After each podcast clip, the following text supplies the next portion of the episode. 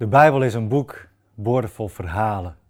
Het is een boek van het verhaal van God en mensen. En een boek waar dat ook in duidelijk wordt, is het eerste boek van de Bijbel in Genesis. Daar komt steeds weer het zinnetje voor: Dit is de geschiedenis van. Zoals bijvoorbeeld ook in Genesis 37, vers 2. Dit is de geschiedenis van Jacob en zijn nakomelingen. En dan volgt daar het verhaal van Jozef en zijn broers en een put en een gevangenis en dromen, al die zaken die dan gebeuren. Maar het eerste zinnetje wat het daar opent is Jozef. Hij is onderdeel van een groter verhaal. Wat is dat grote verhaal van jou? Wat zijn de verhalen van de generaties die voor jou hebben geleefd? En wat is het verhaal dat jij doorgeeft aan de volgende generatie? Als ik kijk in mijn eigen leven, is een man uit mijn voorgeslacht die diepe indruk op mij heeft gemaakt, mijn overgrootvader Jan van Noorloos. En hij was getrouwd, had twee kinderen, was schoolmeester in de Tweede Wereldoorlog.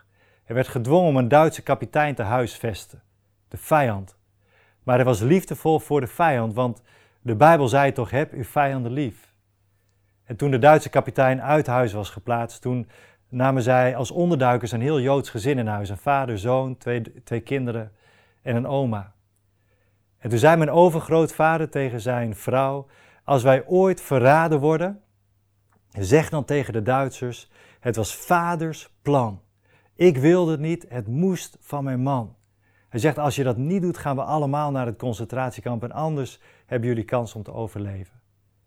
Ze werden verraden. En mijn overgrootmoeder zei, het was vaders plan en mijn overgrootvader werd afgevoerd naar Dachau. En ook daar in Dachau verzorgde hij dagsluitingen. Sprak hij de mensen toe vanuit de Bijbel op de zondagen. En het Joodse gezin werd afgevoerd naar Auschwitz. En daar gebeurde dat op een dag de vader van het gezin zo'n honger had dat hij het uitschreeuwde: O God van meneer Noorloos, als u er bent, geef me dan brood. En 30 meter op vond hij brood. En vier van de vijf leden van het Joods gezin overleefden de oorlog. Mijn overgrootvader overleefde het concentratiekamp. Het zijn verhalen die diepe indruk op mij hebben gemaakt, die mijn leven kleuren. Die trouw, die liefde die integriteit, dat karakter. Ik wil ook zo'n man zijn als mijn overgrootvader. En als je kijkt naar Jozef, zijn overgrootvader was Abraham. En dat was ook zo'n man van grote verhalen, van engelen en steden die omgekeerd werden. En een zoon die pas geboren werd toen hij al honderd was en die hij daarna ook nog weer moest offeren. Verhalen van worstelingen door het leven heen, maar verhalen ook van de trouw van God. En de Bijbel wil ons laten zien ons leven staat niet op zichzelf. Wij zijn onderdeel van een groter verhaal. En wat zijn voor jou die verhalen uit jouw voorgeslacht die jou kunnen inspireren om goed te leven vandaag de dag?